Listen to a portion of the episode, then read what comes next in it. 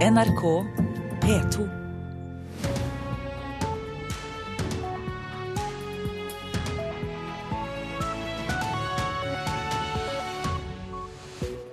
Mange i Oppland kunne si ja eller nei til kommunesammenslåing i går kveld. Nå er svaret klart. Veldig klart. Analysen av resultatet får du straks her i Nyhetsmorgen. I USA jubler våpenlobbyen for Donald Trump, som har lova å fjerne en lov om våpenfrie soner, bl.a. på amerikanske skoler. De dårlige tidene i Rogaland viser seg i stadig nye bransjer. Nå er det kjøreskolene som merker at kundene blir færre. Og folk ser ut til å la seg lokke opp fra sofaen for å se på film i større format. 2016 ligger an til å bli det beste kinoåret på lenge her i landet. Riktig god morgen. Programleder i dag er Silje Sande. Vi starter i Oppland. Der har altså sju kommuner hatt folkeavrøstinger om kommunesammenslåing. Og i seks av dem var klar, svaret klart og tydelig nei. I Lom og Skjåk, Sel og Vågå, Nord-Fron, Sør-Fron og Ringebu gikk folk til valglokaler i går. Intensjonen var at de sju kommunene skal reduseres til tre, men folk har vist seg å være vanskelig å overbevise. Jeg tror ikke det kan være slik som det har vært fra før. Jeg ser ikke noen grunn til å forandre det. Det sier Malene Steine. Hun var en av dem som bidro til at 81,6% av dem som stemte i Vågå, stemte nei til sammenslåing med selv. Det er lagt ned utrolig mye godt arbeid fra mange, og det har fylkesmenn trukket fram mange ganger. at planen at eh, selv og Vågå kommune har vært gode i denne prosessen. Sier Vågå-ordfører Iselin Jonassen. Men gode planer til tross, det holdt ikke. Og i Selv stemte mer enn 59% nei til sammenslåing. I Lom var tallet 76% det samme i Skjåk. I Nord-Fron var 62% imot, og i Ringebu var 74,3% negative. Det er klart Vi hadde jo et håp om at det skulle bli et annet resultat, men eh, innbyggerne har sagt sitt, og det må vi respektere. Sier ordfører i Ringebu Arne Fossmo. Bare i Sør-Fron gikk folk mot strømmen.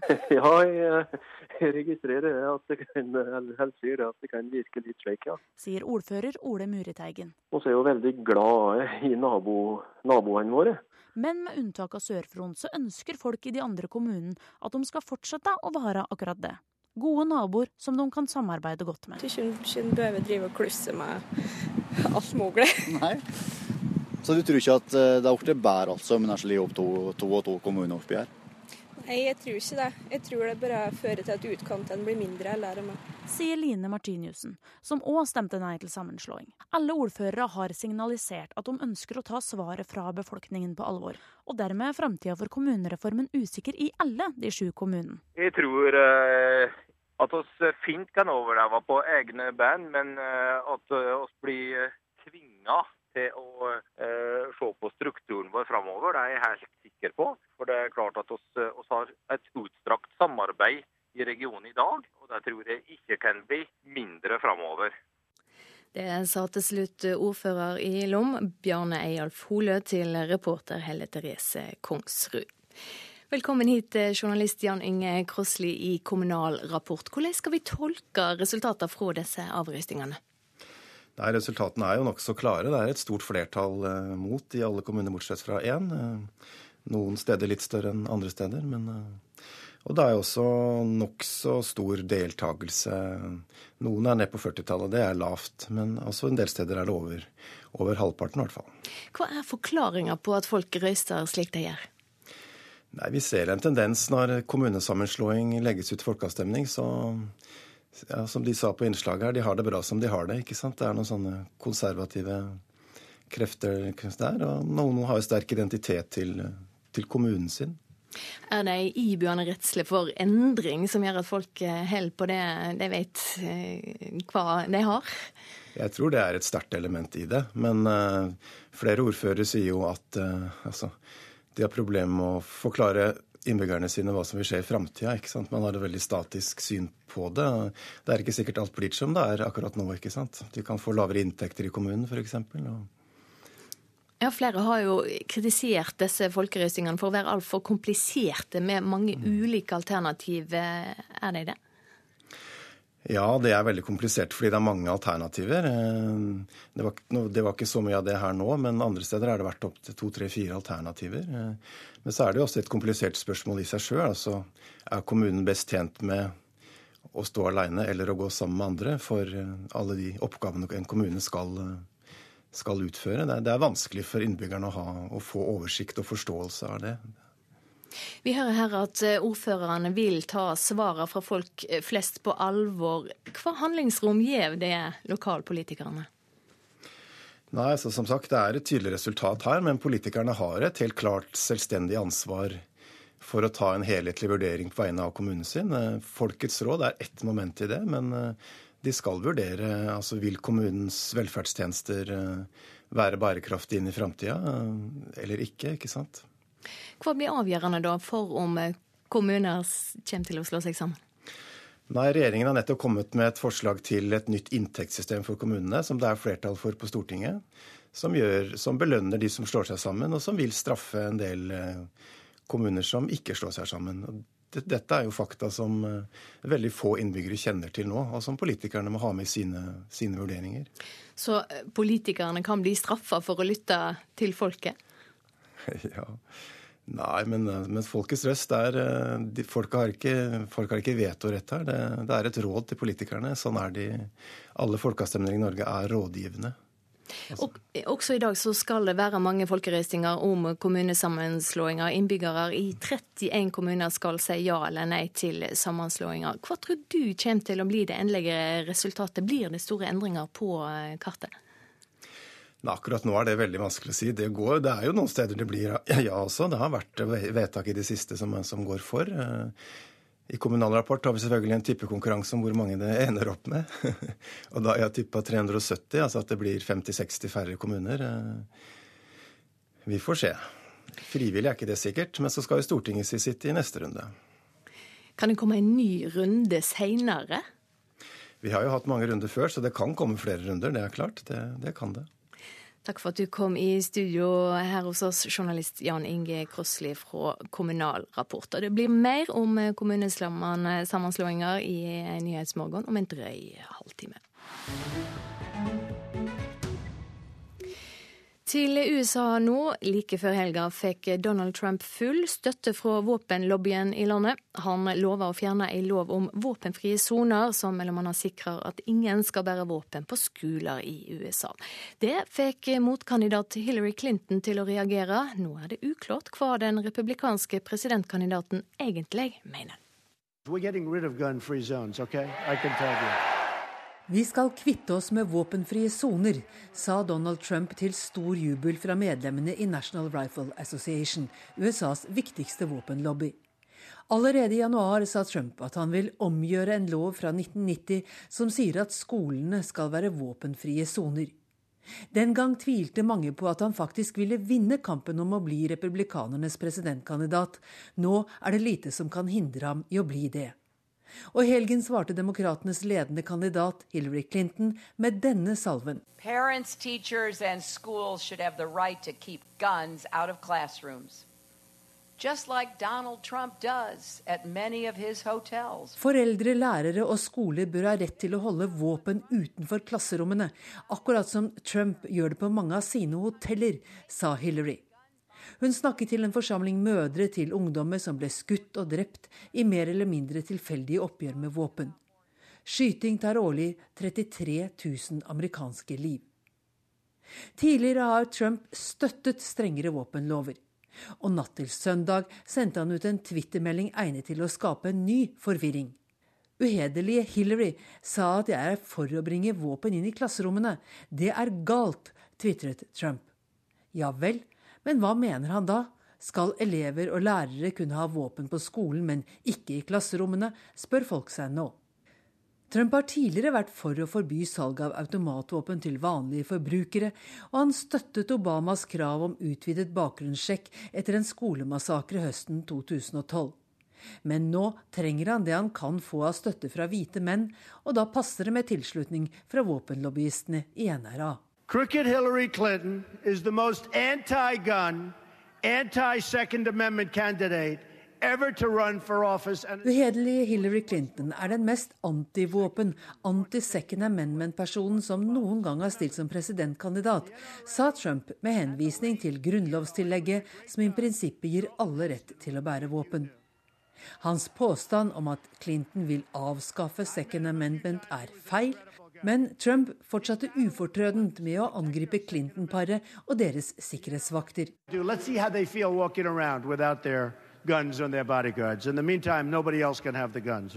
Ta fra dem vaktene og la oss se hvordan de føler seg uten beskyttelse av våpen og vakter, sa Trump, som nå kaller retten til å bære våpen den mest grunnleggende av alle menneskerettigheter, og lover at det blir et sentralt tema under presidentvalget i november. Gro Holm, Washington.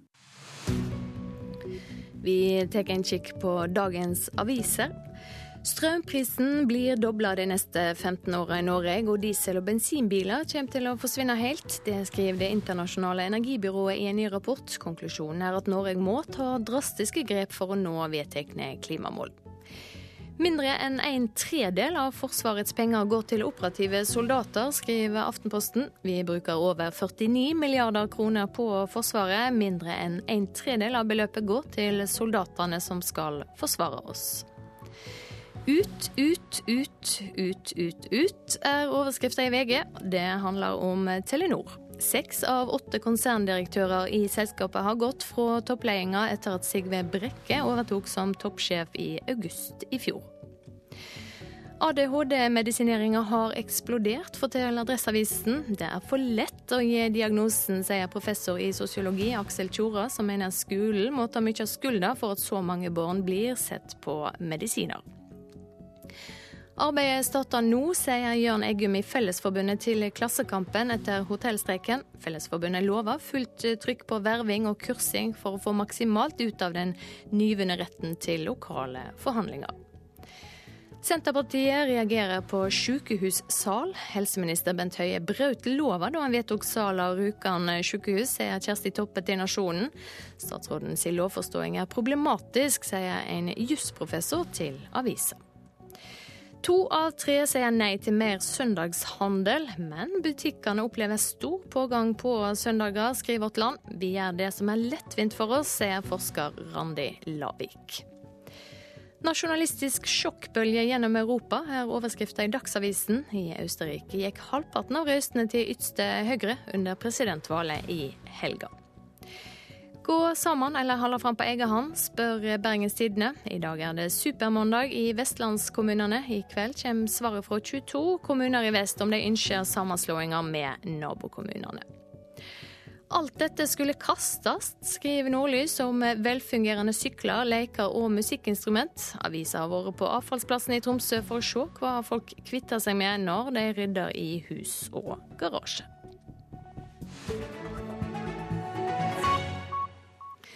Så skal vi ha sport.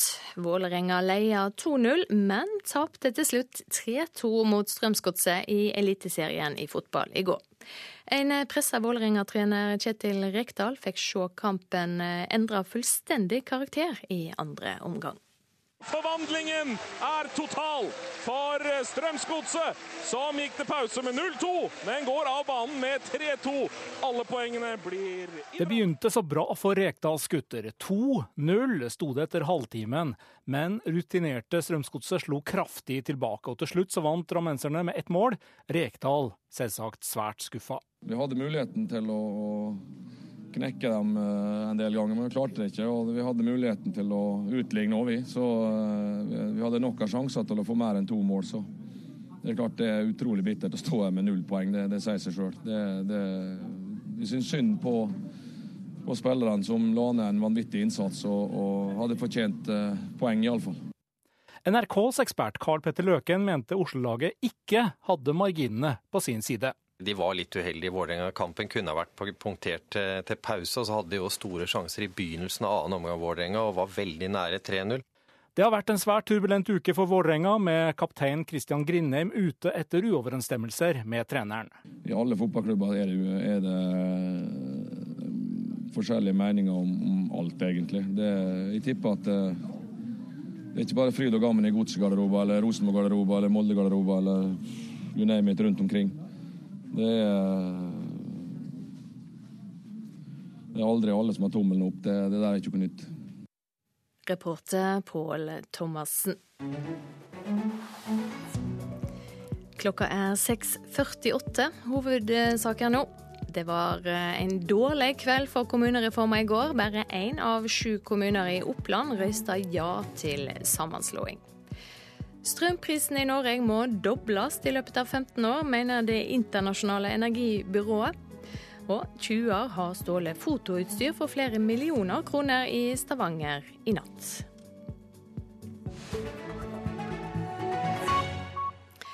Vi skal holde oss i Rogaland og Stavanger, for der merker nå også kjøreskolene de dårlige tidene.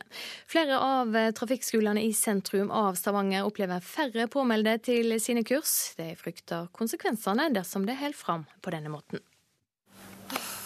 Jeg, jeg bare håper jeg klarer det. Tonje Olsen Heim sitter på venterommet på G Haugsgjerd trafikkskole i Stavanger. Hun skal ta lappen, og er litt stresset for det er både vanskelig og dyrt. Det, det er dyrt, men det er, ikke, altså, det er ikke unormalt. Nå om dagen de fleste venninnene mine, eller ja, jeg tror vel de fleste har kommet på over 35, nærmere 50 000 noen av de, så det er ikke det er ikke unormalt, det, nei. Og høye priser i vanskelige tider går ikke akkurat hånd i hånd. Flere av kjøreskolene i nærheten av sentrum har fått merke både oljekrise og arbeidsledighet på kroppen. Eh, kanskje ikke alle foreldre som er villige til å sponse like mye, så da må kanskje ungdommene jobbe sjøl og tjene opp litt før de kan ta den eventuelt. På kontoret litt lengre inn i lokalet finner vi Trond Haugsgjerd, som driver G Haugsgjerd trafikkskole. Han liker ikke utviklingen, men har is i magen. Ja, så tida vil vise nå til høsten da, hvordan det blir. Men eh, det blir generelt sett litt roligere eh, i år enn i fjor, for å si det sånn. Men eh, så vi satser på at det øker på til neste år, og da vil jo fødselskullet òg virke inn i vår bransje. da. Han forklarer at en uansett ikke kan styre markedet, og at de må jobbe videre med det de kan best. Så vi prøver å satse på god kvalitet og service og god opplæring. Og kvalitet til elevene. Så det er det vi kjører på. Noen hundre meter unna ligger Skagen trafikkskole.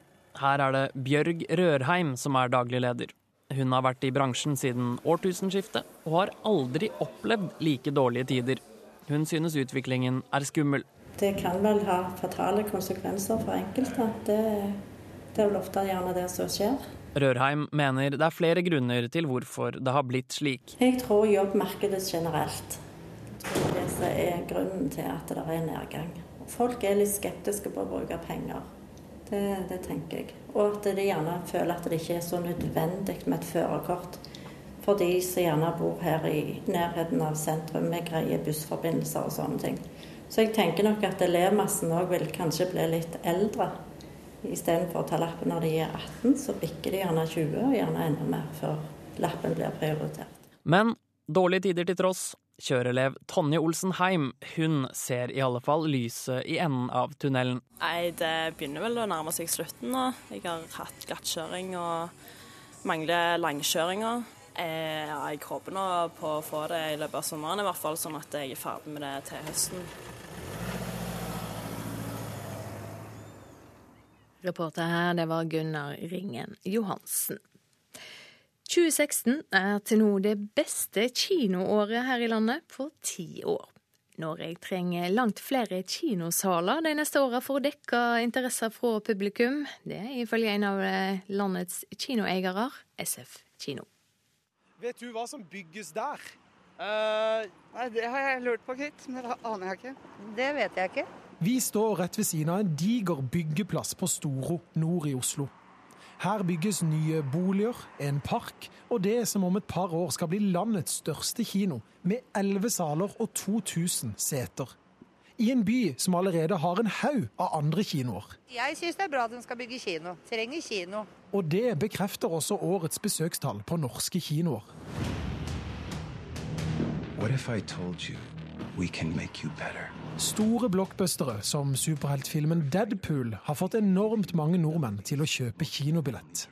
Vi må hele ti år tilbake i tid for å finne lignende besøkstall, hvis vi ser på antall solgte billetter frem til nå i år. De fire første månedene i 2016 har det blitt solgt 4,2 millioner kinobilletter her i landet. Filminteressen i Norge, og det vet vi, den er sterkere enn i veldig mange andre nordiske og europeiske land. Sier Ivar Halstvedt, som er administrerende direktør i SF Kino AS. Selskapet som eier 27% av norske kinoer, og som i 2014 hadde et årsresultat på over 22 millioner kroner. Og ja, det er de som nå bygger landets største kino i Oslo. Målet vårt er å bygge flere kinoer, og kanskje også overta flere kinoer fra dagens drivere. For Halstvedt mener nordmenns kinobehov nå er umettelig, og at vi derfor trenger flere kinosaler. Spesielt i hovedstaden. Etter våre vurderinger så mangler Oslo ca. 25-30 kinosaler. Trenden i Norge speiler også trenden i resten av verden. I fjor ble det omsetningsrekord i kinobilletter på verdensbasis. Nei, det sier at kinoen står veldig sterkt. Det sier at eh, Hollywoods eh, oppskrift eh, på å møte utviklingen har vært ganske riktig. Ulrik Eriksen er filmkritiker i Morgenbladet, ja. og skriver en egen blogg om billettsalg på norske kinoer. Hans teori på hvorfor folk fortsatt gidder å gå på kino, høres slik ut. Kinoen tilbyr eh, en, en, en sone som eh, er mindre og mindre i vår tid. Altså En sone som er helt fokusert på én ting, hvor på en måte oppmerksomheten din ledes mot et kulturprodukt, og hvor man blir ber skru av mobilen og sitter i mørket og, og, ser på en skjerm. Det bekrefter også folk på gata. Det er mange filmer jeg går og ser på kino i stedet for å se det på nett hjemme. Det er litt med opplevelsen da, med nye filmer og stor sal, stort lerret. Mens noen helst bare holder seg hjemme i sofaen. Jeg har ikke vært på kino siden Pocahontas, tror jeg. Reporter Christian Ingebretsen. Det kan bli nødsynt med pledd og boblejakke under gudstjenester i Stavanger domkirke de nærmeste vintrene. Temperaturen i kirka blir trolig skrudd helt ned til ti grader for å hindre at treverket i det nyrestaurerte orgelet skal bli ødelagt av tørrluft. Nå haster det med å skifte ut hele oppvarmingssystemet i kirka.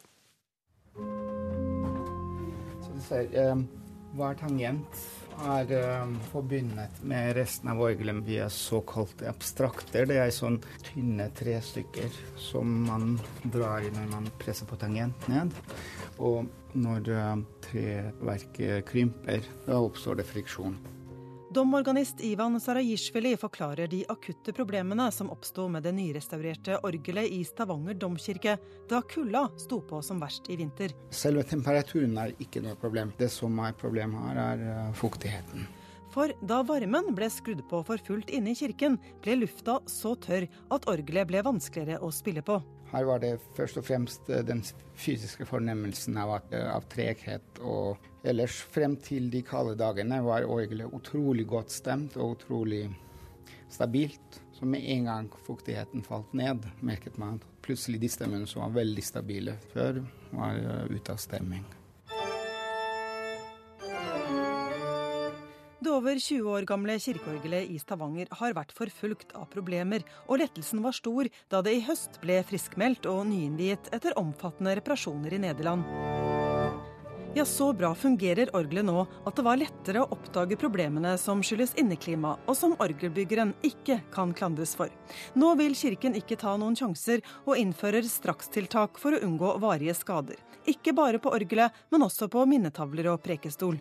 Vi håper jo at vi finner andre løsninger, men det kan være at eh, det, det blir som en overgangsløsning neste vinter, at vi må senke temperaturen. Og da kan det være at det blir ti grader i kirken inne. Sier prosjektleder for den pågående restaureringen av domkirken i Stavanger, Britta Goldberg. Mens luftfuktigheten var nede i under 20 i vinter, trenger et orgel minst 40 og helst 50-60 luftfuktighet. Kirkeverget Svein Inge Thorstvedt innser at forsamlingen nok må beholde boblejakka på til vinteren. Nei, det er ikke greit, men uh, vi er nødt til å ta noen hensyn. Domkirken vurderer også andre strakstiltak, som å tilføre damp, men det kan igjen skade andre deler av bygget, så trolig blir det periodevis kaldt i kirken, fram til den stenges for den store innvendige restaureringen i 2019. Da skal et helt nytt oppvarmingssystem på plass. Og klimatiltakene haster. sier domorganist Ivan Sarajishvili. Ja, Hvis det gjentar seg år etter år, kan det godt skje mer varige skader, ja. Reporter Anette Johansen Espeland skal vi kikke på værvarselet. Fjellet i Sør-Norge, Telemark og Sørlandet. Opphold og en del skodde tidlig på dagen, særlig i låglandet. Fra om ettermiddagen enkelte regnbyger, særlig i indre strøk. I fjellet er det venta nordlig bris. I låglandet skiftende bris, fra kvelden nordlig. Vest for Oksøy opp til frisk bris fra nord. Østlandet får perioder med regn og regnbyger, lokalt mye nedbør, særlig i Hedmark. Vestlandet sør for Stad. Der øker vinden til nordlig kuling på kysten. Opphold og etter hvert sol. Møre og Romsdal og Trøndelag får lettere vær utover dagen. Det kan komme litt sol, særlig i Møre og Romsdal. Nordland får litt regn og opp til sørvestlig frisk bris på kysten om kvelden. Troms og Finnmark får litt regn til kvelden, sørvestlig bris. Og på Spitsbergen blir det litt sludd eller regn, særlig første del av dagen, og mest i øst og i sør. Temperaturene målte klokka fem. Svalbard lufthavn 2, Kirkenes 7, Vardø 6, Alta 11, Tromsø-Langnes 9, Bodø 11, Brønnøysund 9, Trondheim-Værnes 10, Molde og Bergen-Flesland hadde begge 9, Stavanger 10, Kristiansand-Kjevik 12, Gardermoen 14, Lillehammer 12, Røros 8 og Oslo-Blindern 14 grader. Her i Nyhetsmorgen skal vi straks høre at innsatte i norske fengsel sitter alene på cella 22 timer i døgnet pga. for få ansatte og dårlige bygg.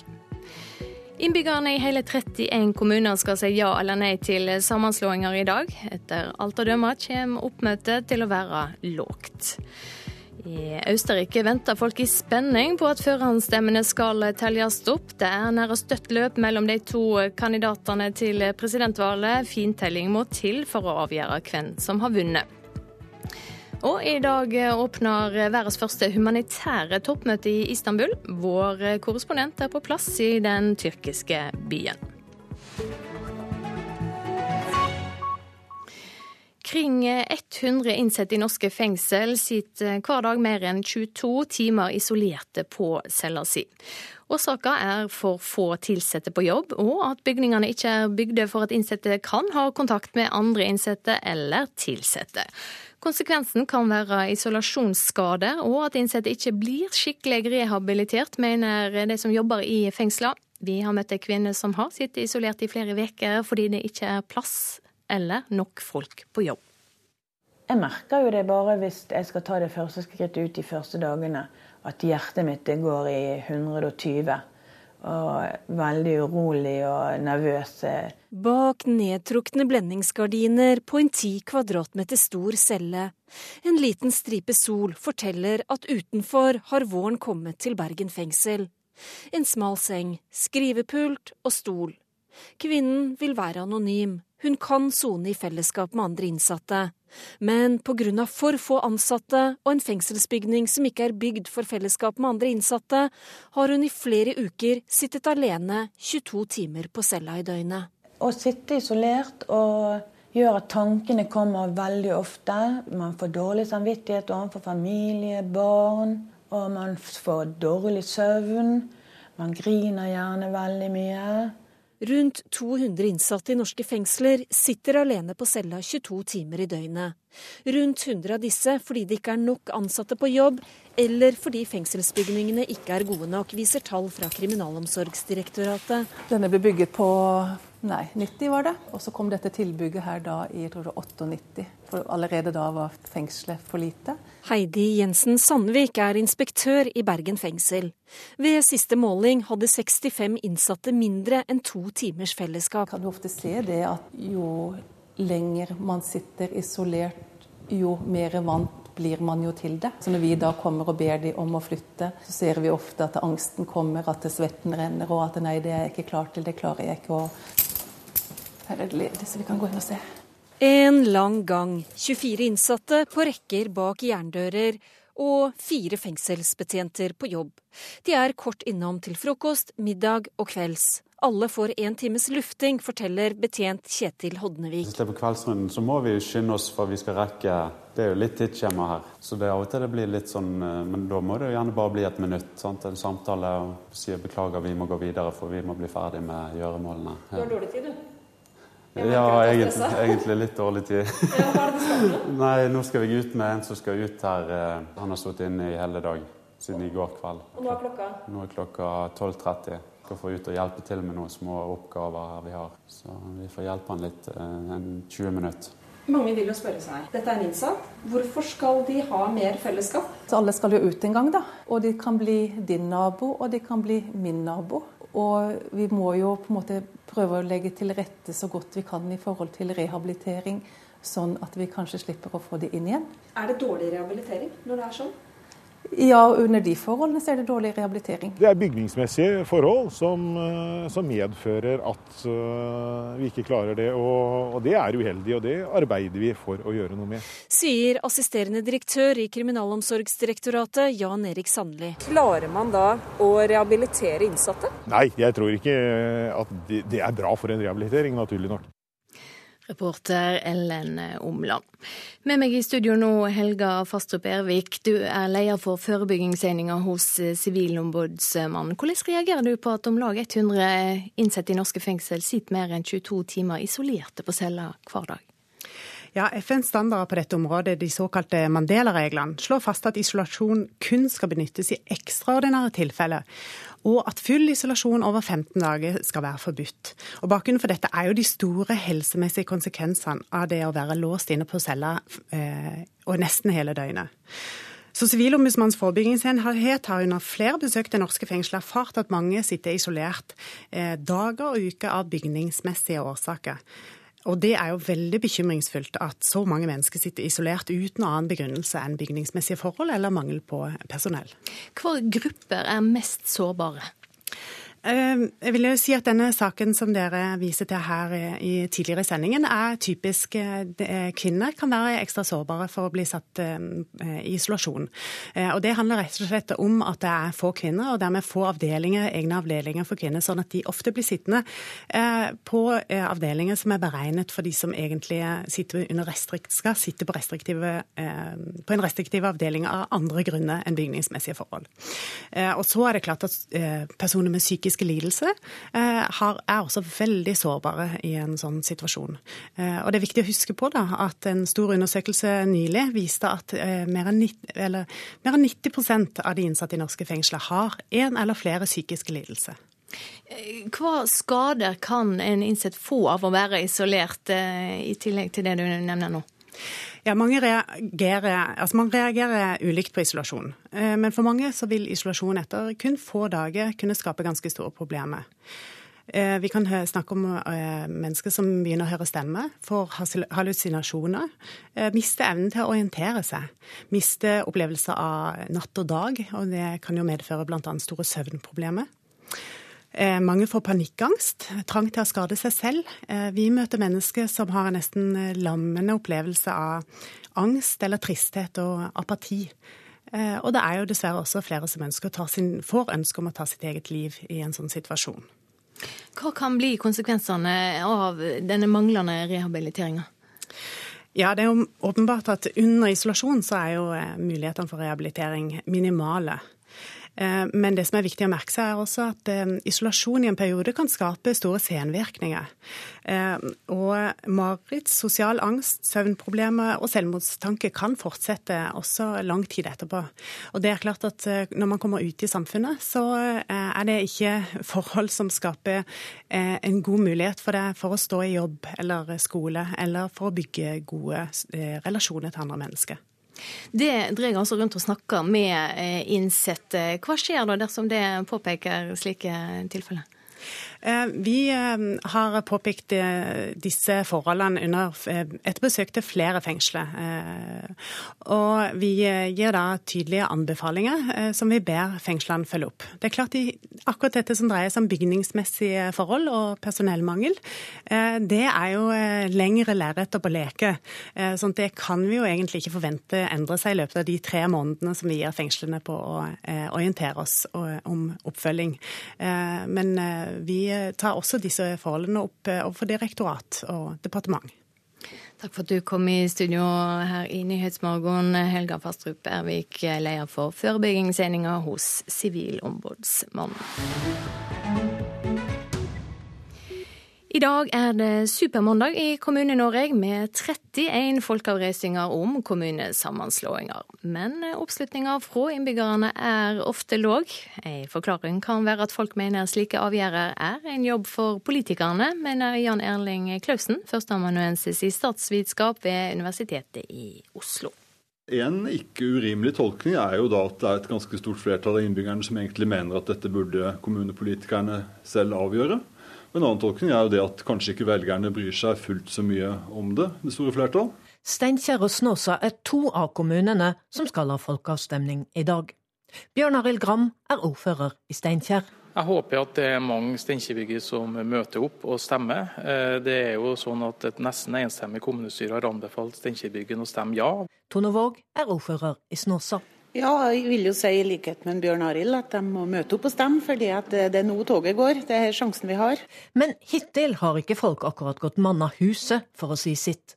Valgdeltakelsen har ligget på mellom 37 og drøyt 50% Det er imidlertid ikke så spesielt, ifølge forsker Yngve Flo ved Rokkansenteret. Ser en på kommunale folkeavstemninger langt tilbake i tid, så ser en jo at eh, gjennomsnittlig eh, oppslutning er jo godt under 50 og jeg tror at en rundt om i mange kommuner har hatt urealistiske forventninger til hvor mange som faktisk skal møte fram. Men klart, er det veldig lav oppslutning blant velgerne, så er jo kanskje det egentlige budskapet fra deres side at eh, dette her kunne lokalpolitikerne ha klart å bestemme seg for sjøl. Både Flo og Klausen mener dessuten at mange alternativer og premisser på stemmesedlene kan åpne for et stort politisk tolkningsrom i etterkant. Og da kan man jo spørre seg om det også er ideen for de som da har utformet dem. Og rett og slett skape en stemme, skape et avstemningsresultat som gir større politisk manøvreringsrom enn det du får hvis du bare har to alternativer sier Jan Erling Klausen. En del av disse her eh, stemmesedlene minner jo nærmest som noen slags tippekuponger. Mener Yngve Flo. Og jeg skjønner jo at velgerne kan være forvirra. Og det er også slik at når en stiller en uklare spørsmål, så vil en få uklare svar. Og jeg tror nok at eh, lokalpolitikerne mange plasser vil, vil ha problemer med å skjønne hva det er velgerne egentlig har sagt. Reporter Katrin Hellesnes. Strømprisene i Norge må dobles eh, i løpet av de neste 15 åra. Det er mellomgrepet Det internasjonale energibyrået mener må til for å nå de vedtekne klimamålene. Det skriver Dagens Næringsliv i dag. Også diesel- og bensinbiler bør kuttes nesten helt ut innen 30 år for å nå målene, ifølge rapporten som blir presentert i dag. Og økonomireporter Halvard Norum, hvorfor mener energibyrået at strømprisene må dobles?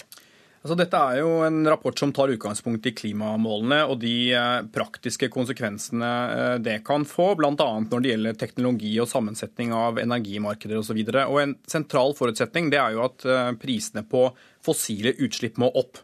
Og Det vil bl.a. gjøre at europeisk kraftproduksjon, altså det som er basert på kull og gass, vil bli dyrere. Det vil trekke strømprisen opp. Og Under forutsetningen av at eh, vi eh, bygger enda flere kabler til Europa og begynner å selge enda mer strøm der, den, eh, der de betaler godt for den, så vil det være med på å trekke prisene opp i Norge og Norden, mener byrået. Organisasjonen Norsk Industri er skeptisk til disse konklusjonene. Hvorfor det? Eh, ja, De eh, representerer jo bl.a. den kraftkrevende industrien, som jo har interesse av at strømprisene er eh, lave, for det er jo en viktig innsatsfaktor for dem. Og, og, det som Stein Lier Hansen, som er leder i Norsk Industri, påpeker overfor Dagens Næringsliv, det er jo også det at dette er, det er vanskelig for det første å spå strømpriser fram i tid. Det har tidligere strømprisanslag vist oss at det er ikke så lett. Og det andre er at de forutsetningene som det energibyrået legger til grunn her, det, det forutsetter masse politiske vedtak. For klart, strømprisene er jo også til dels et produkt av hva politikerne vil strømprisen skal være. Og det er klart, det er ikke politisk uproblematisk dersom eh, strømprisen skulle doble seg, fordi det vil jo gå utover en del industri som vi gjerne vil skal være her. Takk skal du ha, reporter Halvard Norum. Klokka er 7.16. Eh, Hovedsaker nå. innsatte i norske fengsel er alene på cella 22 timer i døgnet pga. for få ansatte og dårlige bygg. Det kan få store konsekvenser for helsa deres og senere rehabilitering, mener forebyggingseninga hos Sivilombudsmannen. I går sa bare én av sju kommuner i Oppland ja til kommunesammenslåing. I dag skal folk i hele 31 kommuner si si mening om sammenslåinger. Og politiet leter etter tjuvene som stakk av med fotoutstyr for millioner av kroner i Stavanger i natt.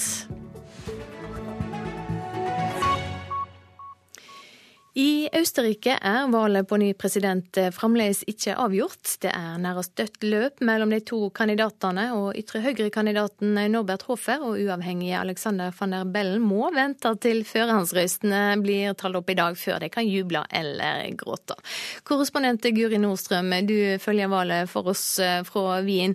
Hva sier analytikerne om hvordan disse førerhandsstemmene kan slå ut? Her er det ingen som tør å si noe sikkert eh, ennå. Det dreier seg altså om 740 000 forhåndsstemmer. Og etter loven så har man ikke lov til å begynne å telle opp disse stemmene før klokka ni i dag, altså om en time og 45 minutter. Eh, resultatet er dermed ikke ventet før mellom klokka fem og sju i, eh, i ettermiddag kveld. Men erfaringene fra forrige runde er at de som forhåndsstemmer Eh, som da er gjerne folk som bor utenfor Østerrike, ikke stemmer på, på det ytterste høyre partiet. Men her er altså ingenting avgjort før absolutt siste stemme er eh, talt opp.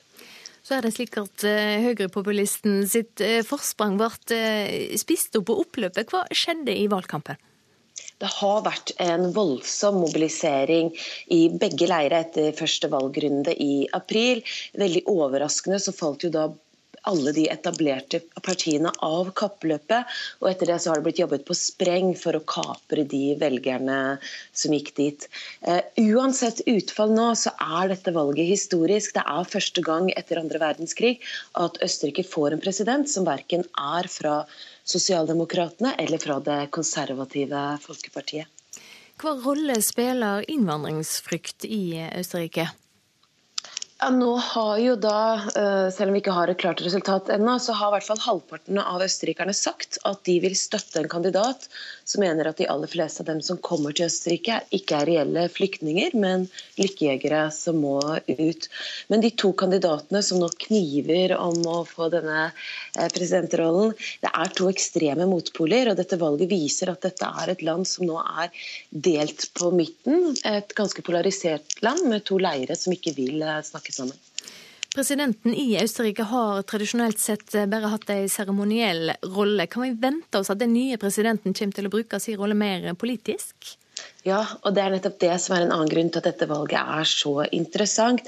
Eh, som du sa, det, altså, Dette har tradisjonelt sett vært en seremoniell rolle. Det har altså vært forbundskanslerne her i Østerrike som har hatt makta. Men på papiret så har presidenten alltid hatt mer makt. Og det spesielle nå er at begge presidentkandidatene sier at de vil bruke denne makta som embetet gir. Alexander van de Bellen, som da støttes av De Grønne, han sier at han vil nekte å ta i ed en forbundskansler fra Frihetspartiet, selv om det partiet skulle ha flertall i nasjonalforsamlingen. Norbert Hofer, som da representerer Frihetspartiet, han sier han vil sparke regjeringen dersom de slipper inn for mange asylsøkere i landet. Så begge truer altså med å gjøre ting som ingen presidenter har gjort eh, før. Takk så langt, korrespondent Guri Nordstrøm. Du følger selvsagt opptellinga utover dagen. Vi skal høre at i dag åpner verdens humanitære toppmøte i Istanbul. Dette FN-initiativet er det første i sitt slag. Målet er å samle regjeringer, humanitære organisasjoner og partnere i privat sektor for å lete etter løsninger på de store internasjonale humanitære utfordringene. Og korrespondent Kristin Solberg i Istanbul, hva er bakgrunnen for at nå både regjeringer og humanitære organisasjoner samler seg for å snakke om disse problemene? Ja, på mange måter så er det på, på, høy tid, for det er en bred enighet om at det er mye ved dagens internasjonale humanitære system som rett og slett ikke fungerer så godt som det burde. Dette er jo et system som ble opprettet etter andre verdenskrig, og mange av verdens kriser har endret seg mye siden da. Annet ser vi at konflikter varer lenger, lenger enn tidligere, og, og vi ser også at de utkjempes gjerne innad i stater heller enn mellom stater. slik at det humanitære systemet må gjenspeile realitetene på bakken. Og I dag så er det flere som trenger nødhjelp enn noen gang siden andre verdenskrig. Det er hele 125 millioner mennesker. Eh, men samtidig så ser vi at FN sliter med å få inn eh, penger. FNs humanitære appell eh, for i år er den største noensinne, men bare 20% av det har, har kommet inn. Så dette er en anledning til å sette dette på, på dagsordenen og, og forsøke å finne måter der nødhjelpen både blir bedre bedre og mer effektivt på bakken, samtidig som stater bidrar med mer penger. Men er dette et møte der vi faktisk kan vente oss løsninger på de, disse store spørsmålene? Ja, det er jo et av de store spørsmålene eh, i seg selv, hvorvidt dette faktisk vil, vil hjelpe. Fordi Risikoen ved mange av slike store samlinger er at det resulterer i, i mange fine ord eh, og, og, mindre konkret handling på bakken. og Det er også risikoen som mange analytikere har påpekt ved dette møtet. For det vi ser er at eh, FNs generalsekretær Ban Ki-moon skal få deltakeren til, til å enes om flere punkter, men disse punktene er relativt vage, slik at som f.eks. vi må få slutt på lidelse eller vi må forebygge konflikt. Eh, så det er altså ikke veldig konkret, og det er heller ikke juridisk eh, bindende. Så dette vil nok ikke resultere i de helt store reformene, men det kan resultere i at, i at eh, flere land lover, lover, mer penger.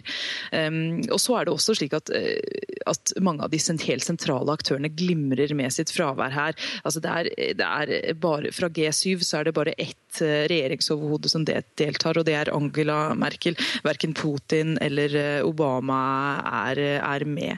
Og Vi ser jo også at toppmøtet har allerede blitt eh, kritisert. Leger uten grenser, som var en av organisasjonene som skulle være med, de, de trakk seg ut og kalte dette et fikenblad av gode intensjoner. Takk skal du ha, korrespondent Kristin Solberg i Istanbul. Vi skal ta en kikk på dagens aviser. Mindre enn en tredel av Forsvarets penger går til operative soldater, skriver Aftenposten. Vi bruker over 49 milliarder kroner på Forsvaret. Mindre enn en tredel av beløpet går altså til soldatene som skal forsvare oss. Ut, ut, ut, ut, ut, ut er overskrifta i VG, og det handler om Telenor. Seks av åtte konserndirektører i selskapet har gått fra toppledelsen etter at Sigve Brekke overtok som toppsjef i august i fjor. ADHD-medisineringa har eksplodert, skriver Adresseavisen. Det er for lett å gi diagnosen, sier professor i sosiologi Aksel Tjora. Han mener skolen må ta mye av skylda for at så mange barn blir sett på medisiner. Arbeidet starter nå, sier Jørn Eggum i Fellesforbundet til Klassekampen etter hotellstreiken. Fellesforbundet lover fullt trykk på verving og kursing for å få maksimalt ut av den nyvunne retten til lokale forhandlinger. Senterpartiet reagerer på sykehussal. Helseminister Bent Høie brøt lova da han vedtok sal av Rjukan sykehus, sier Kjersti Toppe til Nasjonen. Statsrådens lovforståing er problematisk, sier en jusprofessor til avisa.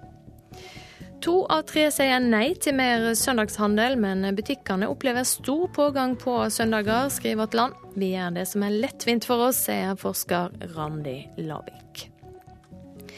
Nasjonalistisk sjokkbølge gjennom Europa er overskrifta i Dagsavisen. I Østerrike gikk halvparten av røstene til ytste høyre under presidentvalget i helga.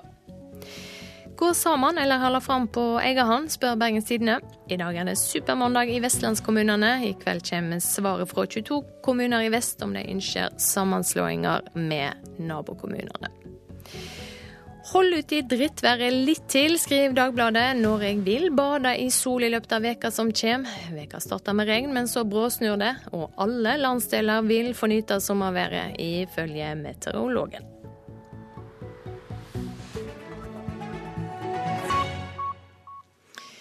Til eh, Telemark nå. For, eh, for 25. gang skal barn i Porsgrunn kommune fordele en stor pengepott mellom seg. Porsgrunns modell ble starta for å engasjere ungene i politikk og gi dem mer råderett. Det er veldig mange som har spurt om å, at vi skal ha klokker i skolegården, på fotballbanen og i skoleskogen for å se når friminuttet liksom slutter, om det er vits å begynne på ny lek, da. Susanne Aaremodt og Elias Linna fra elevrådet på Grønli skole ønsker seg penger til klokker som skal henge på veggen i skolegården. Det vil koste rundt 11 000 kroner for uh, klokker og medverdiavgift og elektriker. Snart skal de møte i rådhuset i Porsgrunn. Uh, vi har lagd sånn powerpoint hvor det er bilde av hvor mye den koster og sånn. Og så må vi jo forberede oss litt på hva vi skal si hvis noen spør oss om noe, og argumentere for det, da. For å håpe å få så mye penger som vi ønsker. Men vet dere hva som er historien bak det som heter Porsgrunnsmodellene? Eh, nei, men det vet jo Elisabeth Nilsen og Kjell Lillestøl. Altså, dette var jo veld, i veldig stor grad en politisk eh, styrt prosess fra 80-tallet. Da Kjell Lillestøl kom til Porsgrunn kommune i 1992, begynte han å jobbe med å få engasjert barn og unge i det som skulle bli Porsgrunnsmodellen. Eh, og det var da en situasjon hvor kommunen var i en veldig stor krise. Det var, det var høy arbeidsløshet, det var krakk i økonomien. Det som jeg syntes var utrolig spennende med politikerne i Porsgrunn da, det var at de sa det at nei, vi, vi, vil tenke på barn og unge.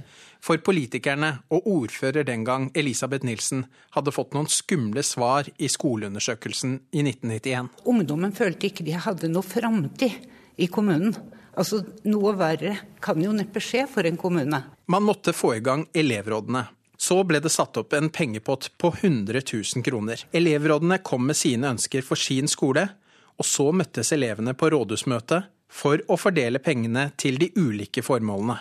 Blant dem som har vært med på rådhusmøtene i Porsgrunn, er Sindre Beyer, mangeårig rådgiver for Jens Stoltenberg, og Robin Koss, tidligere statssekretær, nå ordfører i Porsgrunn. Det var jo ikke bare at man, ungdommen skulle bli hørt, at man måtte komme med et eller annet budskap og framførte det og dro igjen. Det var jo enda mer at uh, ungdom lærte å lytte til hverandre. Stortingsrepresentant Christian Tynning Bjørne husker godt at han var med på rådhusmøtet for å fordele penger. Da var jeg elev uh, på Tveten, uh, og vi hadde jo jobba i ukevis med prioriteringsliste. Hadde hatt avstemninger i klassene. ikke sant? Hva er det vi skal prioritere? Det en, en, var en enorm demokratiopplæring. Porsgrunnsmodellen fikk stor oppmerksomhet. Og etter hvert måtte Kjell Lillestøl, Elisabeth Nilsen og ungdommene reise rundt og fortelle om hva de hadde gjort. Jeg har vært på så mange konferanser og ting rundt omkring både i Norge og Norden og Skottland og rundt omkring, hvor det er ungdommene som har reist og holdt foredrag. Og så har vi vært med og hjulpet til. På onsdag så sitter eh, det unge i denne salen her. Skal fylles opp. Det er den 25. rådhusmøtet hvor de da skal Barnas bystyre, da, hvis vi skal kalle det det. Er det fremdeles like stort behov? Det er viktigere nå enn noen gang, etter min mening. Altså, barn og unge de har en plass i lokalsamfunnet. Den plassen må vi eh, gi dem. Reporter i Porsgrunn, Ken Willy Wilhelmsen. Klokka er straks 7.30. I utenriksreportasjen om eh, vel ti minutter skal vi til Tyrkia, der president Erdogan eh, styrker grepet sitt om makta. Produsent for Nyhetsmorgen i dag, Marit Selme Nedreli. I studio, Silje Sande.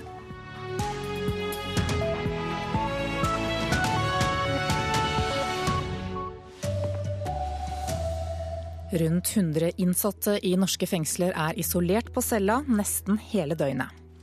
Strømprisen i Norge må dobles for å nå klimamålene, mener Det internasjonale energibyrået. Og 2016 ligger an til å bli tiårets beste kinoår i Norge. Her er NRK Dagsnytt ved Anne Jetlund Hansen, klokka er 7.30. Rundt 100 innsatte i norske fengsler er isolert på cella mer enn 22 timer hvert eneste døgn.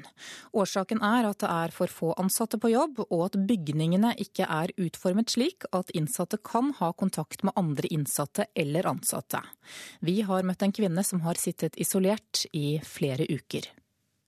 Jeg merker jo det bare hvis jeg skal ta det første skrittet ut de første dagene at hjertet mitt går i 120. Bak nedtrukne blendingsgardiner på en ti kvadratmeter stor celle. En liten stripe sol forteller at utenfor har våren kommet til Bergen fengsel. Kvinnen vil være anonym. Hun kan sone i fellesskap med andre innsatte. Men pga. for få ansatte og en fengselsbygning som ikke er bygd for fellesskap med andre innsatte, har hun i flere uker sittet alene 22 timer på cella i døgnet. Å sitte isolert og gjøre at tankene kommer veldig ofte. Man får dårlig samvittighet overfor familie, barn. Man griner gjerne veldig mye. Tre ganger i året gjør Kriminalomsorgsdirektoratet målinger med hvor mange innsatte som har mindre enn to timer fellesskap med andre innsatte fordi de er bekymret for isolasjonsskader. Hver dag sitter rundt 100 innsatte alene 22 timer i døgnet fordi det ikke er nok ansatte på jobb, eller fordi fengselsbygningen ikke er bygd for at innsatte kan være sammen på dagtid. Her er det så vi kan gå inn og se. Heidi Jensen Sandvik er inspektør i Bergen fengsel. Ved siste måling hadde 65 innsatte mindre enn to timers fellesskap. Så når vi da kommer og ber de om å flytte, så ser vi ofte at angsten kommer, at svetten renner, og at nei, det er jeg ikke klar til, det klarer jeg ikke. En lang gang. 24 innsatte på rekker bak jerndører og fire fengselsbetjenter på jobb. De er kort innom til frokost, middag og kvelds. Alle får én times lufting. Hvorfor skal de ha mer fellesskap? Så alle skal jo ut en gang, da. Og de kan bli din nabo, og de kan bli min nabo. Og vi må jo på en måte prøve å legge til rette så godt vi kan i forhold til rehabilitering, sånn at vi kanskje slipper å få det inn igjen. Er det dårlig rehabilitering når det er sånn? Ja, under de forholdene så er det dårlig rehabilitering. Det er bygningsmessige forhold som, eh, som medfører at uh, vi ikke klarer det, og, og, det er uheldig. Sier assisterende direktør i Kriminalomsorgsdirektoratet, Jan Erik Sandli. Klarer man da å rehabilitere innsatte? Nei, jeg tror ikke at det, det er bra for en rehabilitering, naturlig nok. Reporter her var Ellen Omland. Politiet leter etter tyver som rygget en bil inn i en fotobutikk i Stavanger sentrum i natt og stakk av med store verdier. Tyvene kjørte inn i butikken med en stjålet bil, og natt til lørdag så brukte gjerningsmenn samme metode for å komme inn i en ekspertbutikk i byen. Tyvene stjal fotoutstyr for flere millioner i natt, forteller operasjonsleder Tor Helge Stavik. Gjerningsmennene har tatt med seg fotoutstyr for store verdier og forsvunnet fra stedet. Politiet har jobba på åstedet og har eh, søkt etter gjerningsmennene, foreløpig uten resultat. Vi prøver jo å få sett på litt eh, videoovervåking i, i området, men eh, denne tida på døgnet gjør det jo litt vanskelig.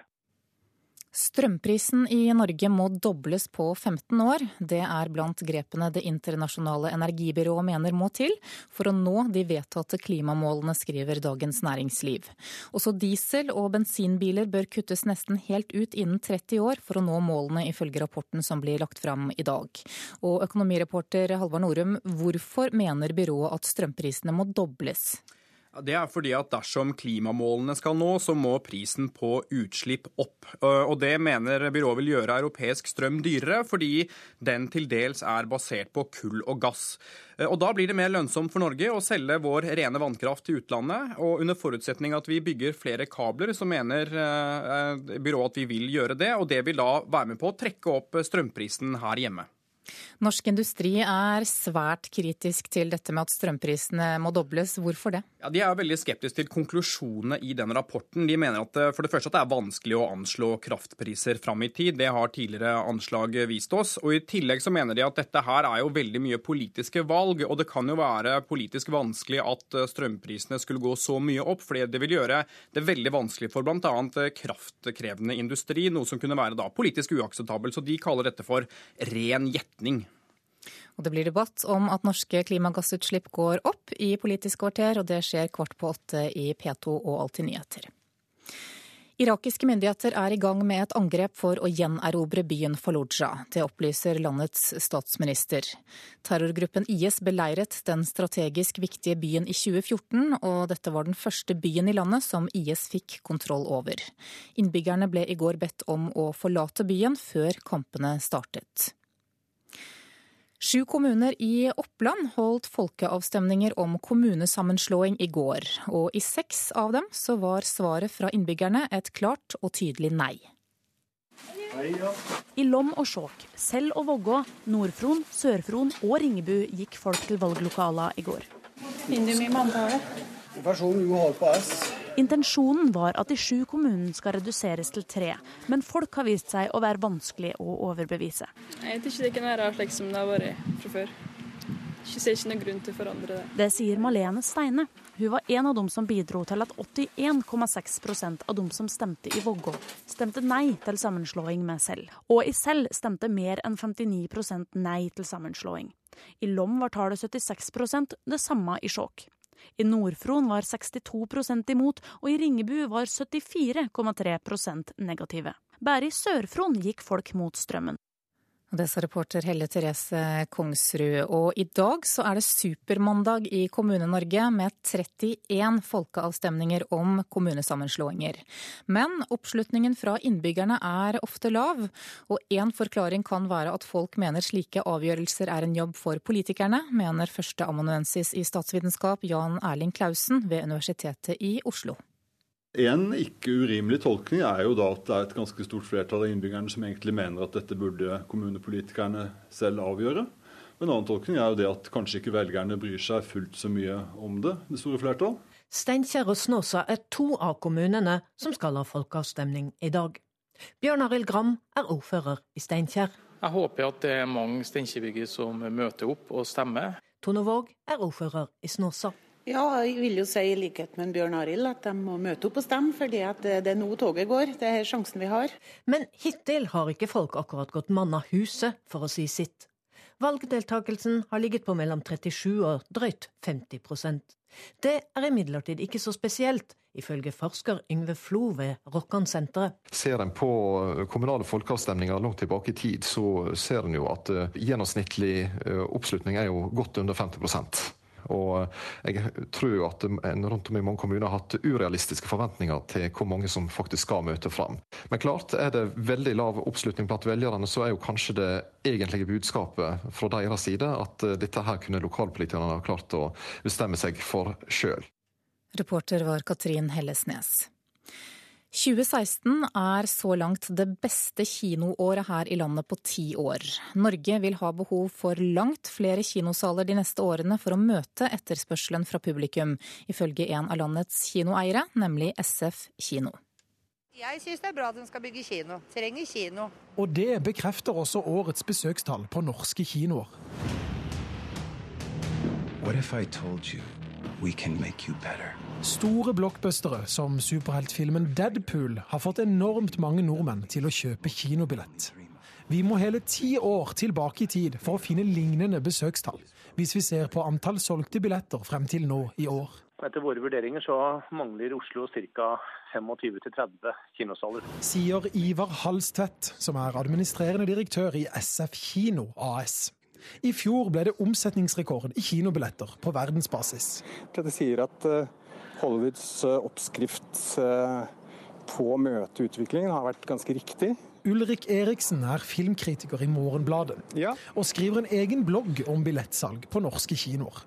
Kinoen tilbyr en, en, en sone som er mindre og mindre i vår tid. Et kulturprodukt hvor man ber skru av mobilen og sitter i mørket og, og, ser på en skjerm. Det bekrefter også folk på gata. Det er litt med opplevelsen da, med nye filmer og stor sal, stort lerret. Reporter var Christian Ingebretsen, og det blir mer om denne saken i Kulturnytt i P2 og Alltid nyheter etter Dagsnytt klokka åtte. Ansvarlig for nyhetssendingene denne morgenen heter Bjørn Christian Jacobsen.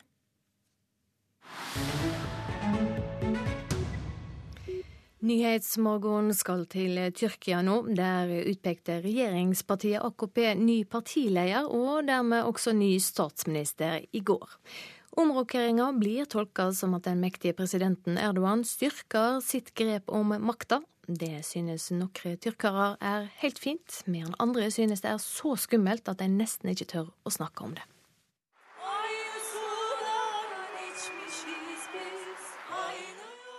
Transportminister Binali Yildirim går opp på scenen i en sal tettpakket med trofaste partimedlemmer og pressefolk i Ankara.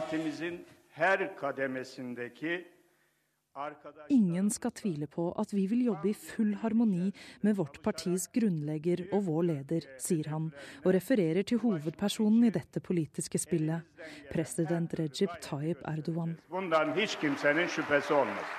At Binali Yildirim blir ny partileder og dermed også ny statsminister, skyldes nettopp Erdogan. Statsminister Ahmed Davatolo trakk seg brått tidligere denne måneden, angivelig etter å ha vært uenig med president Erdogan i flere sentrale politiske spørsmål. Den største uenigheten skal ha dreid seg om Erdogans ønske om å endre grunnloven og gi seg selv som president mer makt. At Davotolo så gikk av, ble av mange her sett på som en klar melding fra en president som kritiseres for å bli stadig mer autoritær. Enten er du enig med meg, ellers er du ferdig.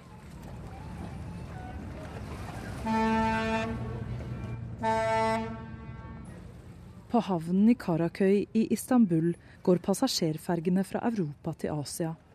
Her er meningene om statsministerskiftet like delt som byen som går over to kontinenter. På en benk i solskinnet sitter kollegene Ømer Kutsjukal og Weisel Durmas.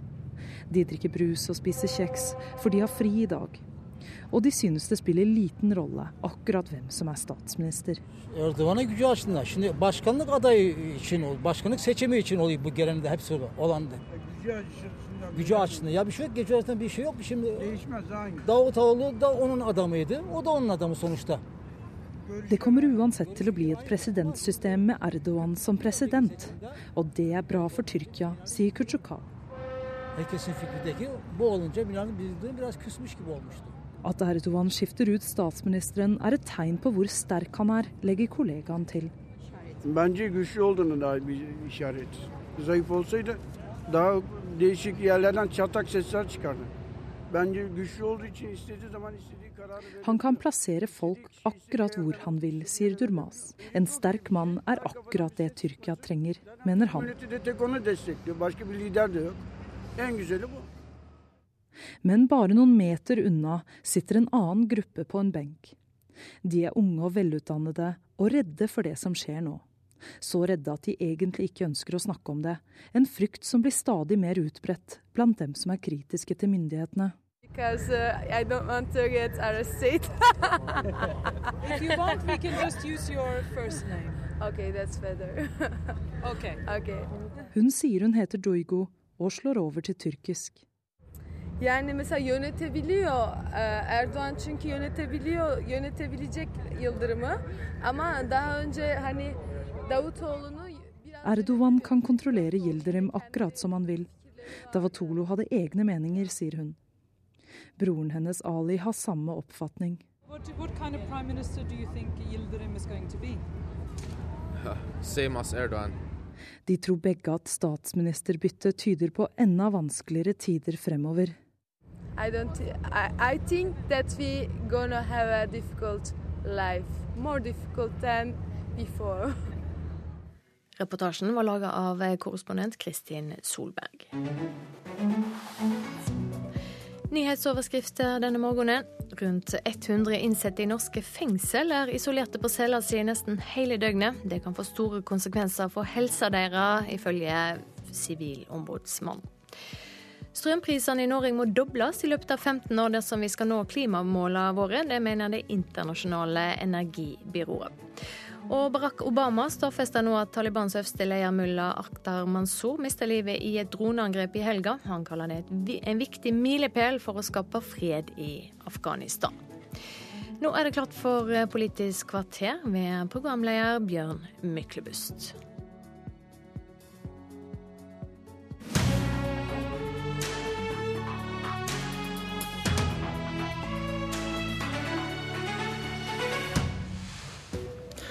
Norske utslipp øker. Venstre truer med å kaste regjeringen. Igjen. Og nå som norske utslipp igjen øker, skal vi bare slå fast i dette politiske kvarteret at 2020-målet ryker. Og at alle de tre som sitter her, er ansvarlige. Ingen som nikker bekreftende i studio? De norske klimagassutslippene økte med 1,5% i fjor, viser foreløpig tall fra Statistisk sentralbyrå. Og det fikk Venstre til å gjenta sin trussel om å felle regjeringen hvis ikke statsbudsjettet neste år blir tidenes miljøbudsjett. Ola Elvestuen, nestleder i Venstre, velkommen. Jo, takk. Hvorfor det?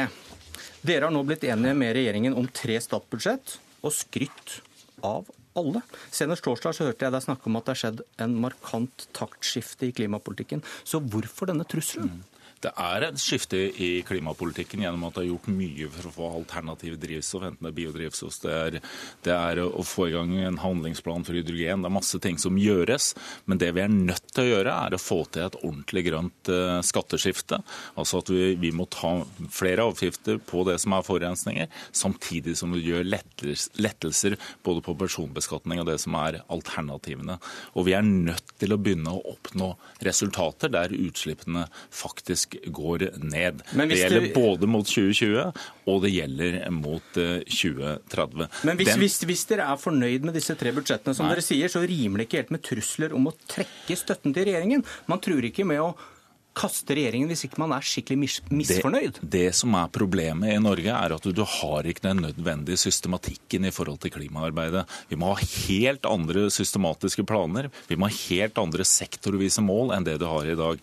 Det mangler. Og her så må regjeringen også være en drivkraft. Men du svarer ikke på nå, spørsmålet. Nei, det som nå skjer, er at ja, Venstre slåss i hver eneste budsjett. Og det har vi gjort i disse tre årene. Det har vi gjort tidligere. Jeg er helt sikker på at SV har gjort det i tidligere regjeringer. Men du svarer ikke på spørsmålet. Ja, resultater, men du må ha et helt annet, du må opp en divisjon for å komme nærmere de målene som vi skal nå. Men du svarer ikke på spørsmålet, fordi dere har vært fornøyd med tre budsjett, og plutselig så truer dere med å kaste regjeringen? Nei, det, det høres helt useriøst ut. Det jeg sier er at vi skal ta det neste steget.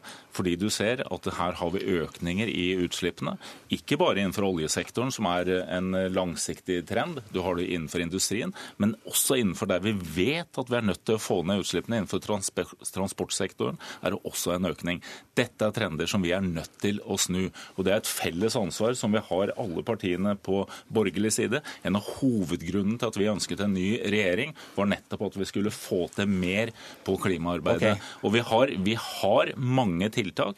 Det gjøres mye. Men dimensjonen av det og summen av det er ikke høy nok. Jeg hører ikke heller at du helt går inn i den eh, lille motsetningen der. Men, men da, eh, hvorfor har dere ikke stilt krav om at budsjettene deres har skrevet under på, skulle gi utslippskutt, da? Som dere nå plutselig gjør mot 2017-budsjettet? Nå har vi jo lagt inn krav om at vi skal ha klimatiltak i hvert eneste budsjett. Men nå, og det dette viser er at vi har ikke kommet... Det skal bli utslippskutt allerede i 2017. Det kravet har dere ikke stilt i de andre budsjettene. Vi har stilt krav om at du skal ha klimatiltak som fører til utslippskutt. Bl.a. så har du innblanding av biodrivstoff som øker nå fra Vi har økt det til 5,5 det må opp i 7% Så det er tiltak som vil gjennomføres. Der de ikke har fått det nok, er jo på det som er det grønne skatteskiftet. vi har hatt en sterk kamp mot regjeringa når det gjelder å se på drivstoffavgifter, når det gjelder å ha eh, klimaavgifter. Vi har fått til mye når det gjelder på lettelsene, altså å få til få til alternativene. Men der du, der du må stramme til, har det vært eh, for vanskelig, okay. og der må vi få til mye mer. Heikki Olmås fra SV, hva syns du om trusselen fra Venstre? Altså, regjeringen er jo en klimafiasko. og Jeg eh, oppfatter jo den trusselen som Venstre kommer med som en tom trussel, all den tid Venstre faktisk har velsignet tre budsjetter som den, de har hatt sammen med, med, regjeringen. Og det er altså sånn at De tre budsjettene har ført til økte utslipp. Og regjeringen som sitter, politikken deres står til stryk, og det er Venstre sin regjering.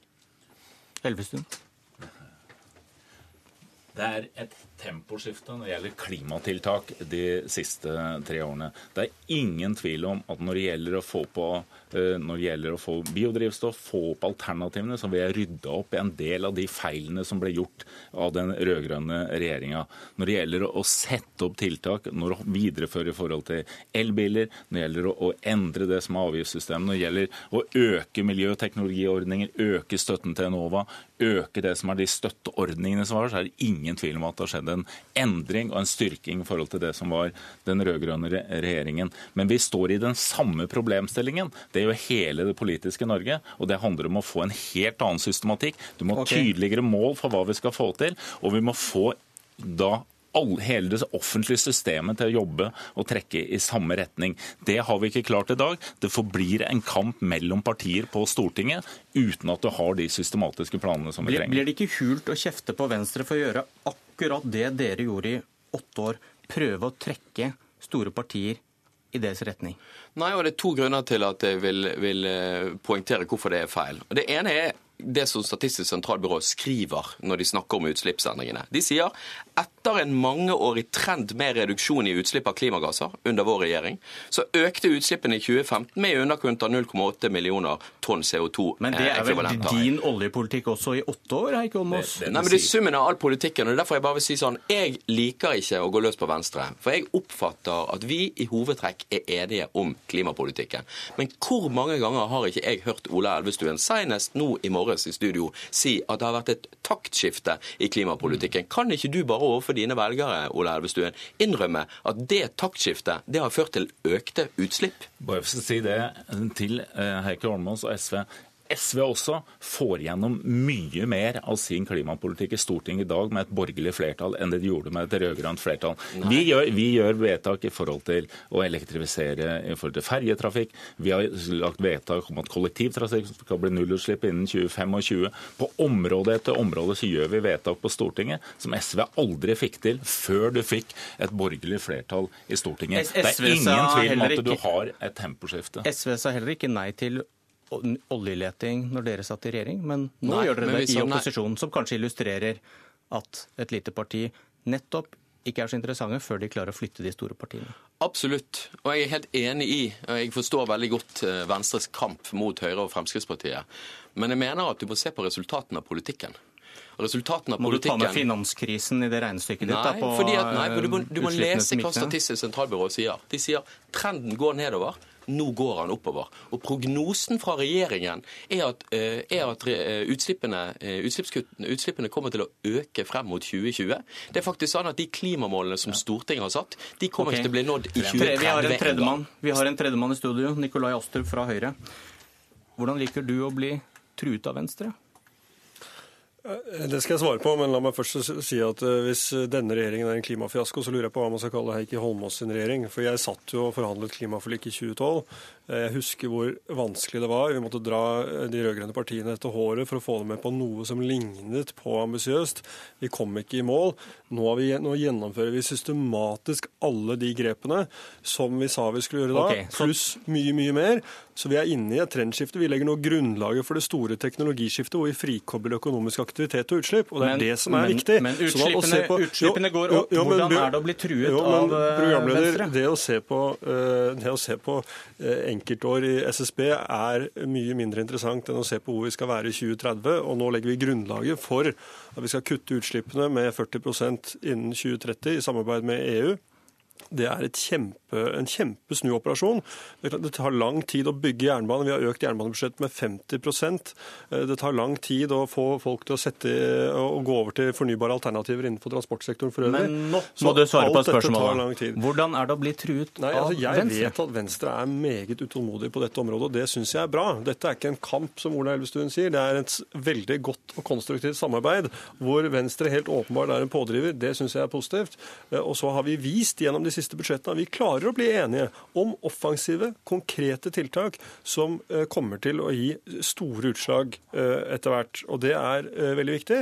Og nå jobber jo vi Jeg er enig med Ola Elvestuen, vi må få til noe på det grønne skatteskiftet. Vi sitter sammen i en arbeidsgruppe som ser på nettopp det.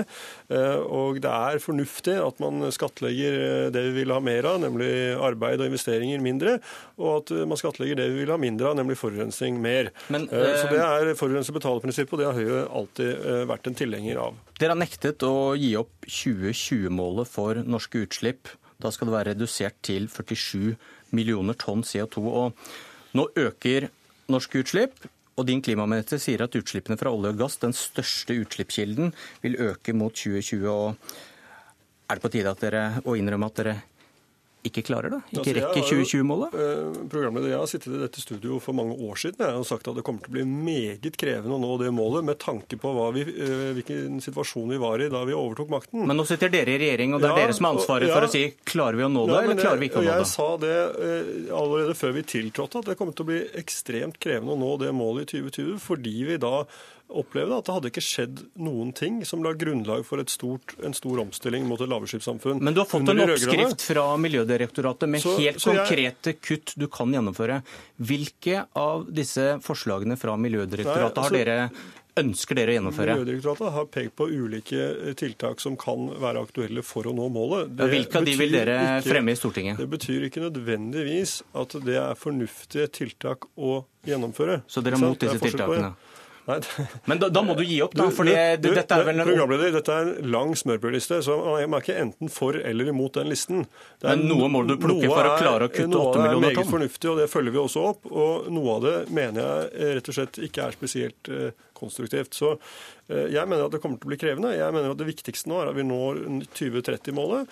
Og det er også viktig fordi at i 2030-målene der har man frikoblet kvotepliktig og ikke-kvotepliktig sektor. Altså det som er industri og petroleum som må ses i et europeisk og det vi skal gjøre hjemme. Det gjør ikke 2020-målene. og derfor Så er 2030 Så da kan man glemme 2020-målene? Nei, derfor så er 20... Fordi dette er jo ikke noe norgesmesterskap. Er... Nei, akkurat, men da sier du at 2020-målene er ikke så viktig? Vi må jo sørge for at det blir globale reduksjoner, ikke at Norge ja, ja. øh, reduserer sine utslipp for at Europa skal kunne øke sine. Så Holmås, må se det i sammenheng. Økte troen din på at 2020-målene blir nådd nå? Nei, men Jeg har ingen tro på at 2020-målene blir nådd med denne regjeringen her. Og det er nemlig sånn at Utslippene fra Norge ligger an til å øke hvis ikke politikerne gjør noe. Og Da er det her vi er ved sakens kjerne. fordi klimapolitikk funker, men mangelen på klimapolitikk funker det også. Og det er mangelen på klimapolitikk vi ser nå. For det er sånn at den regjeringen som sitter nå, ikke har lagt frem ett vesentlig grep som i vesentlig grad kutter CO2-utslipp i Norge alle forslagene som er gjennomført og vedtatt på Stortinget De bygger litt bane, de satser på klimateknologi? Jo, absolutt. Alle disse tingene er veldig positive. Men de fører ikke til reduserte klimautslipp i vesentlig grad. Alle I framtiden kanskje, da? Nei, for det er nemlig sånn at hvis du bygger, altså det er flott å bygge jernbane, men hvis du bygger en motorvei ved siden av jernbanen, så fører det altså ikke automatisk til lavere utslipp. Og det er jo det som er Ketil Solvik sitt poeng når han sier at det skal ikke bli dyrere å forurense, og vi skal bygge bane. Men, bare, men, men må...